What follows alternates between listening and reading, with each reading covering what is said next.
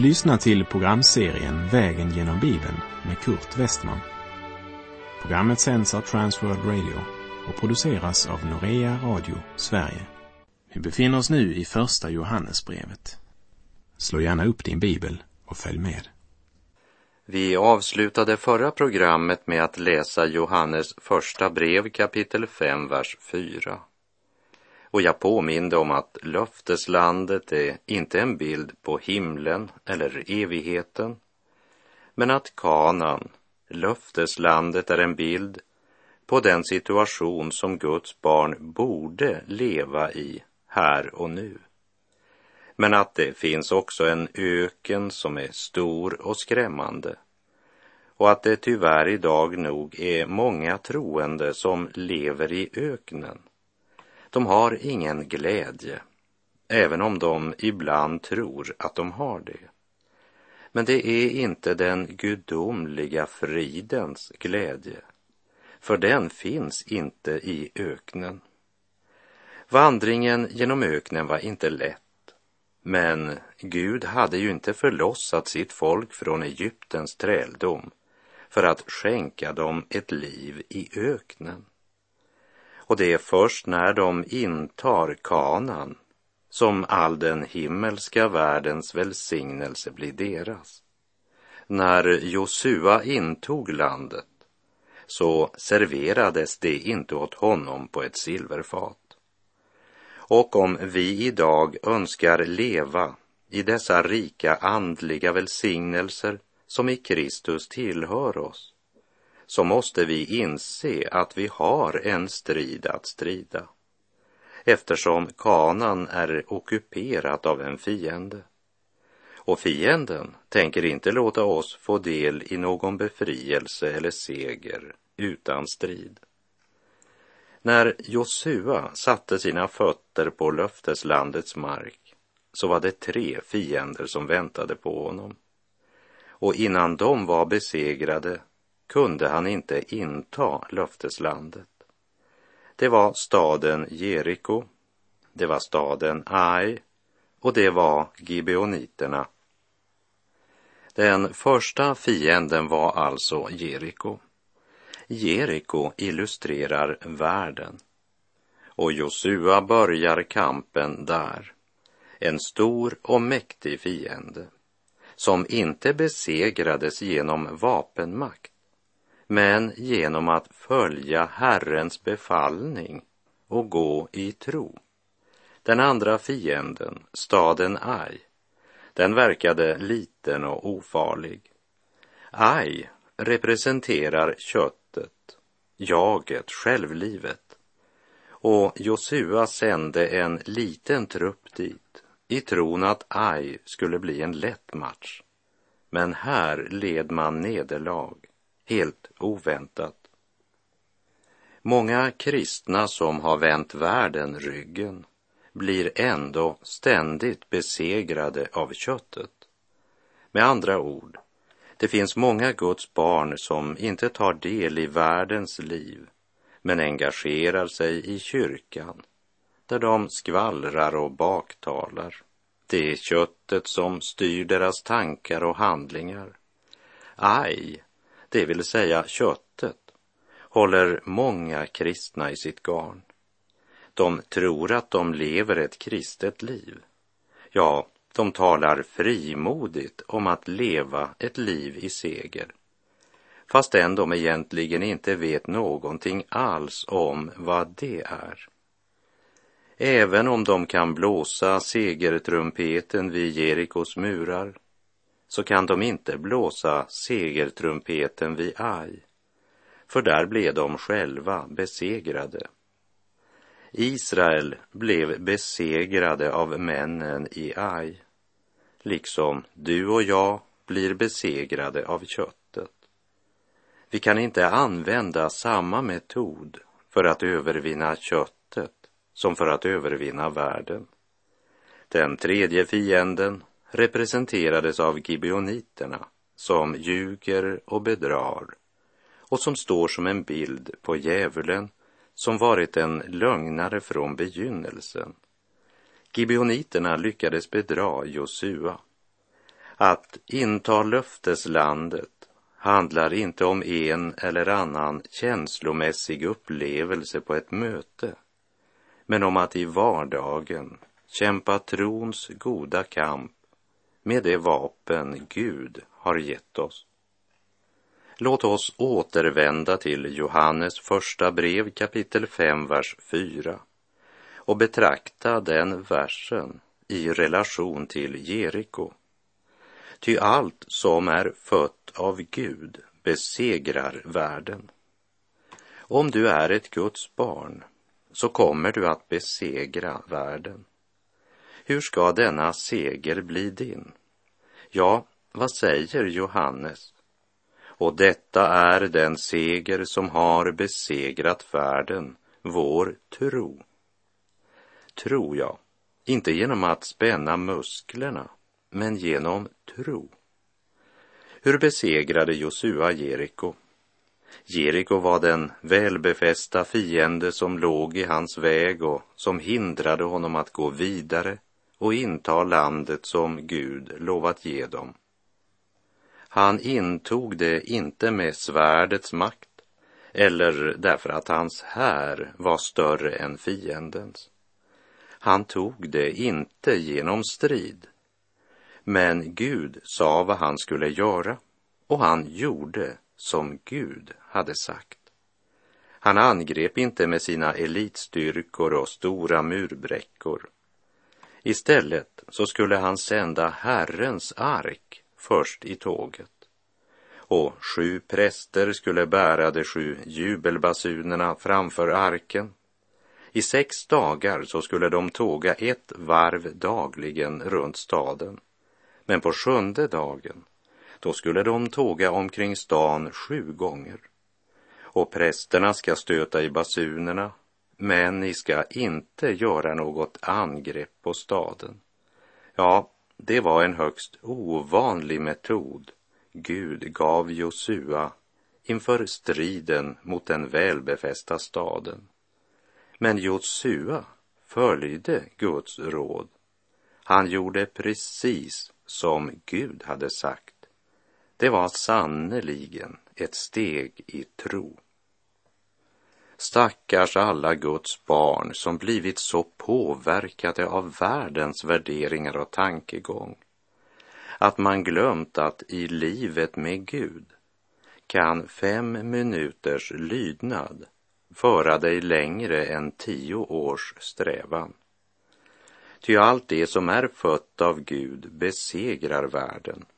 Och detta är den seger som har besegrat världen, vår tro det vill säga den tro som gör som Gud har sagt, som lyssnar till vad Gud har att säga och sedan handlar därefter.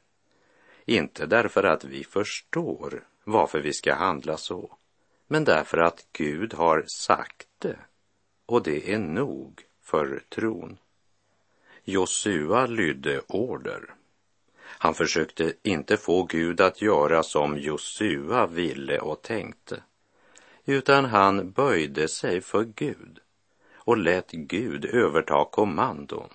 Det är trons seger. Därför säger också Hebreerbrevet 11.30 Genom tron föll Jerikos murar sedan man hade gått runt omkring dem i sju dagar. Murarna föll genom tron. Men först efter att Israels folk hade omsatt denna tro i praktisk handling. När en ordets hörare blir en ordets görare övervinner han världen. Ty allt det som är fött av Gud besegrar världen. Och detta är den seger som har besegrat världen, vår tro.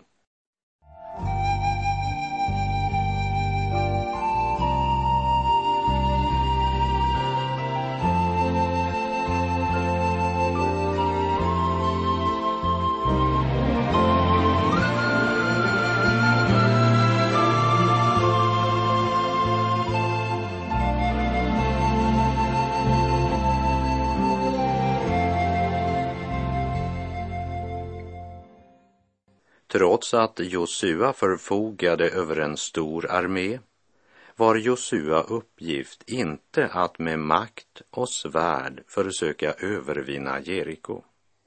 Josua skulle tro på Gud. Det var en sådan ledare Guds folk behövde. Han trodde Gud. Och han sprang inte runt och ropade ”Jag tror Guds ord, jag tror Guds ord” utan han handlade så som Gud hade sagt. Kära vän, vi blir frälsta genom tron idag. Och ska vi övervinna världen så sker det inte genom strävan eller egen strid. Det är genom tron vi övervinner. Det är det enda sätt på vilket vi kan möta denna syndens värld och mörkrets makt. Men hur ska vi veta att vi går i tro? Tro är inte först och främst att bekänna de rätta doktrinerna, även om läran är viktig. Men vi kan ha hur rätta teorier som helst, så blir det aldrig tro förrän vi omsätter Guds order i praktisk handling. Ty allt som är fött av Gud besegrar världen och detta är den seger som har besegrat världen, vår tro. Och så går Johannes ett steg vidare och säger i kapitel 5, vers 5. Vem kan besegra världen utom den som tror att Jesus är Guds son? När du satt inför tröstan och ditt hopp till Kristus så är det inte längre frågan om vår egen styrka eller kraft. Men vi bevaras av Guds kraft genom tron. För där vi handlar så som Gud befaller oss, där är Guds kraft verksam. Tron som segrar är förvissningen om att Jesu seger är min. Vi läser i Johannes första brev kapitel 5, vers 6. Det är han som kom genom vatten och blod, Jesus Kristus, inte bara genom vattnet, utan genom vattnet och blodet. Och det är anden som vittnar, eftersom anden är sanningen. Jesu död, blodet, var för aposteln själva kännetecknet på Guds kärlek, medan gnostikerna förkunnade att Kristi gudomliga sida förenades med människan Jesus i samband med hans dop, men lämnade honom före hans död. Och mot denna villolära pekar Johannes nu på vattnet och blodet. Och det är uppenbart att huvudtyngden ligger på blodet. Jag är medveten om att det finns en del bibeltolkare som menar att vattnet och blodet talar om dopet och nattvarden.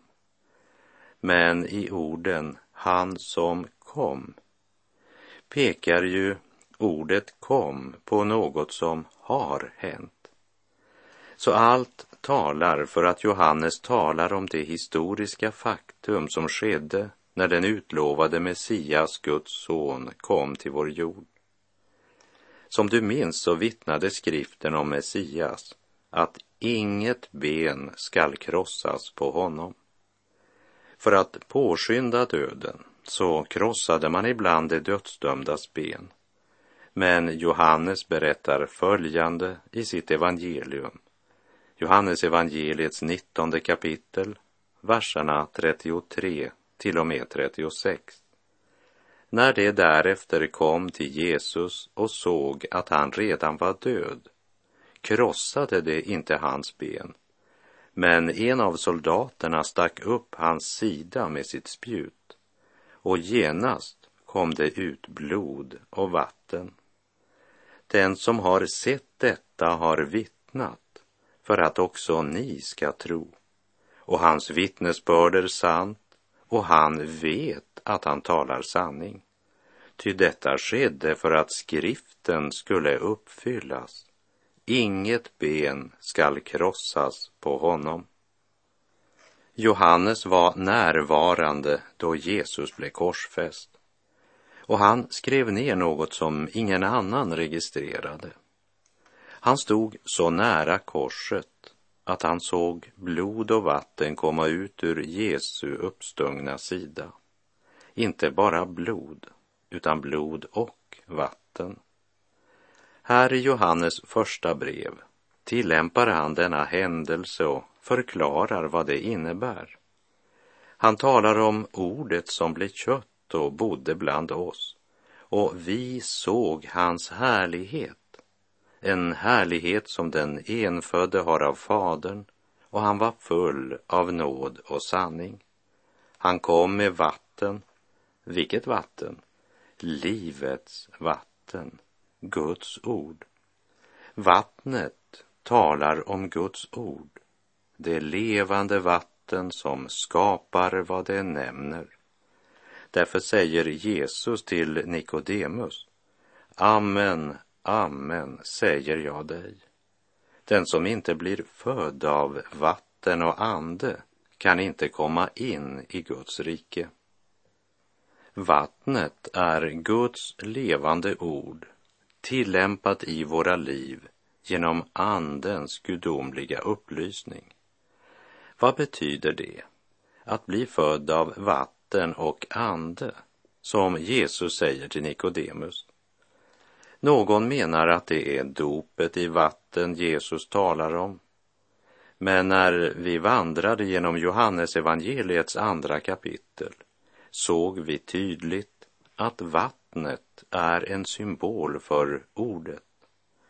Och senare i Johannes evangeliet hörde vi Jesus säga i Johannes 17, vers 17.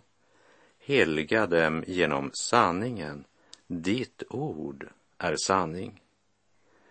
Det är en renande, helgande kraft i Guds ord. Och i Johannes 15, vers 3 i Bo Gerts översättning står det så har han redan gjort er rena genom det ord jag har talat till er. Guds ord sammanliknas med vatten om och om igen. Och vi tror fast och visst att ingen kan bli född på nytt utom genom ordets bad och den helige Andes uppenbarelse.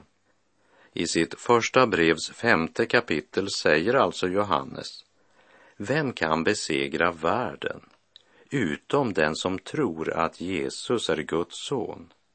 Det är han som kom genom vatten och blod, Jesus Kristus, inte bara genom vattnet utan genom vattnet och blodet. Och det är anden som vittnar, eftersom anden är sanningen. Blodet talar om Kristi försoningsdöd. Det är han som kom genom vatten och blod, i Jesus Kristus, inte bara genom vattnet, utan genom vattnet och blodet. Sanningens budskap, evangeliet, det hade bara varit ett vackert löfte utan verklig kraft om inte Kristus lidit döden på korset för våra synder. Men han kom inte bara med vatten, utan han kom med vattnet och blodet. Guds löfte och Kristi lidande kan inte skiljas från varandra. Och det är anden som vittnar eftersom anden är sanningen. Den underbara sanning som ligger dold i Kristi försoningsdöd och segerrika uppståndelse är till ingen nytta om inte Guds helige ande får uppenbara denna sanning för vårt hjärta. Låt oss komma ihåg vad Jesus sa till sina lärjungar i tiden mellan hans död och uppståndelse och pingstdagen att de skulle vänta i Jerusalem. De skulle inte vittna. För de kunde inte vara verkliga Jesus vittnen utan den helige Ande. Därför är det helt avgörande om någon ska bli frälst. inte bara att Kristus dog för cirka 2000 år sedan, men att han är uppstånden, lever och verkar genom den helige Ande i ditt och mitt liv idag.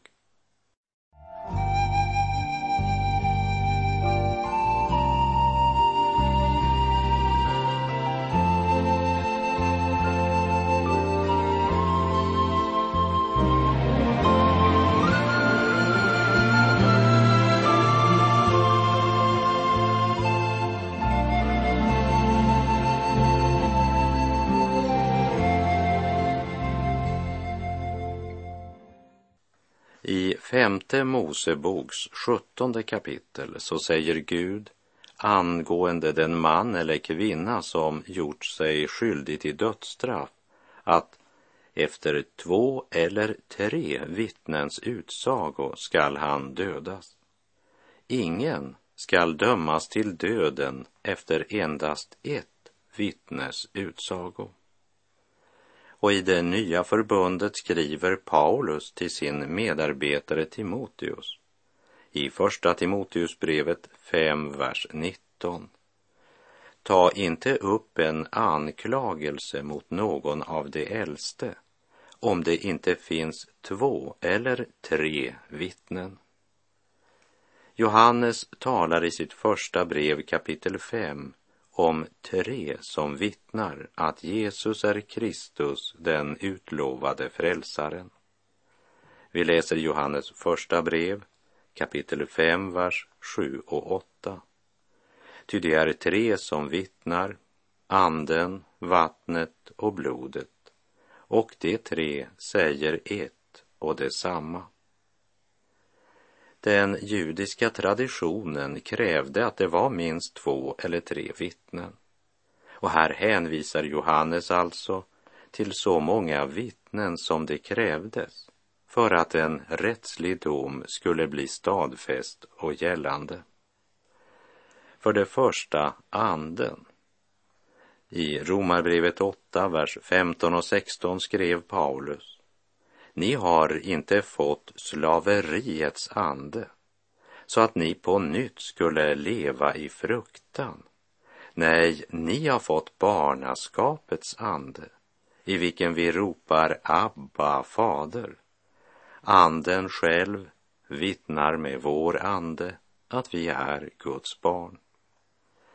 Anden talar om ett inre vittnesbörd till Guds kärlek är utgjuten i våra hjärtan genom den helige Ande som han har gett oss, säger Paulus i Romarbrevet 5, vers 5. Det talar alltså om en personlig erfarenhet. Andens vittnesbörd i vårt inre. Anden själv vittnar med vår ande att vi är Guds barn. Det andra som vittnar, det är vattnet, som dels talar om Guds ord, det levande vattnet, men det talar också om Jesu dop. Alltså ögonblicket då han bekände sig ansvarig för din och min och hela världens synd. Från det ögonblicket Jesus blev döpt av Johannes gick hans väg sedan mot Golgata och korsdöden. Från Jesu dop så berättar Matteus följande. I Matteus evangeliets tredje kapitel, vers 16 och 17. När Jesus hade blivit döpt steg han genast upp ur vattnet och se, himlen öppnades och han såg Guds ande sänka sig ner som en duva och komma över honom. Och en röst från himlen sade, denne är min son, den älskade. I honom har jag min glädje. Vid Jordans vatten sågs och hördes detta vittnesbörd när Jesus blev döpt. Jesu dop vittnar att han är Guds son. Vattnet talar också om Guds ord, det levande vattnet.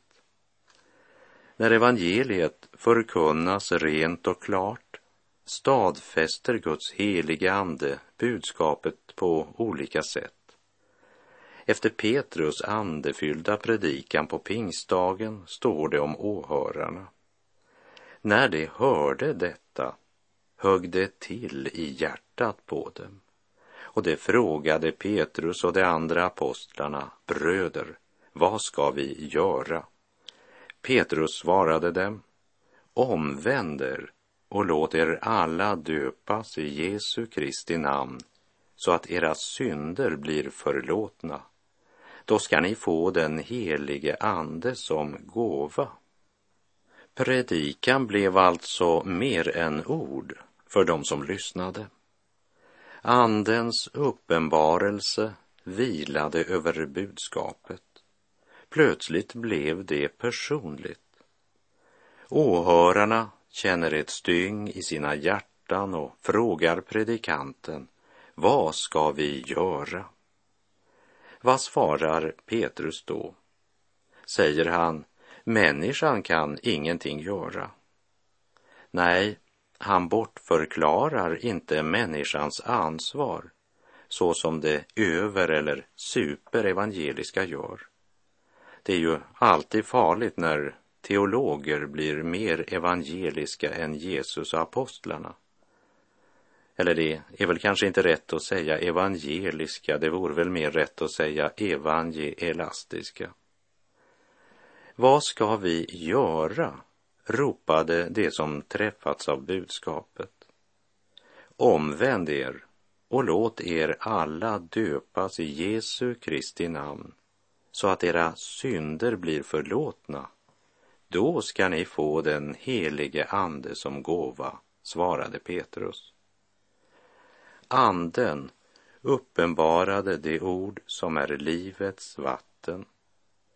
Och allt detta vilar på Kristi försoningsdöd, då han tog vår plats och led i ditt och mitt ställe för att du och jag skulle kunna bli frikända. Och med det så är vår tid ute för den här gången. Jag säger på återhörande om du vill och om Herren ger oss båda en ny nådedag. Herren vare med dig.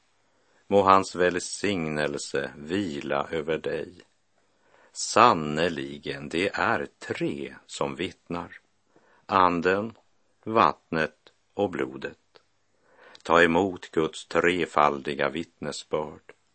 Anden och vattnet och blodet vittnar att Jesus är den av Gud utlovade frälsaren som har makt att förlåta synder just nu. Ta emot syndernas förlåtelse.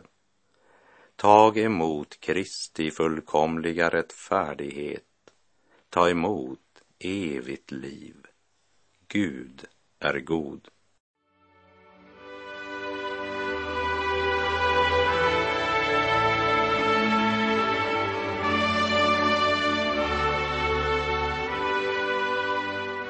Du har lyssnat till programserien Vägen genom Bibeln med Kurt Westman som sänds av Transworld Radio. Programserien är producerad av Norea Radio Sverige.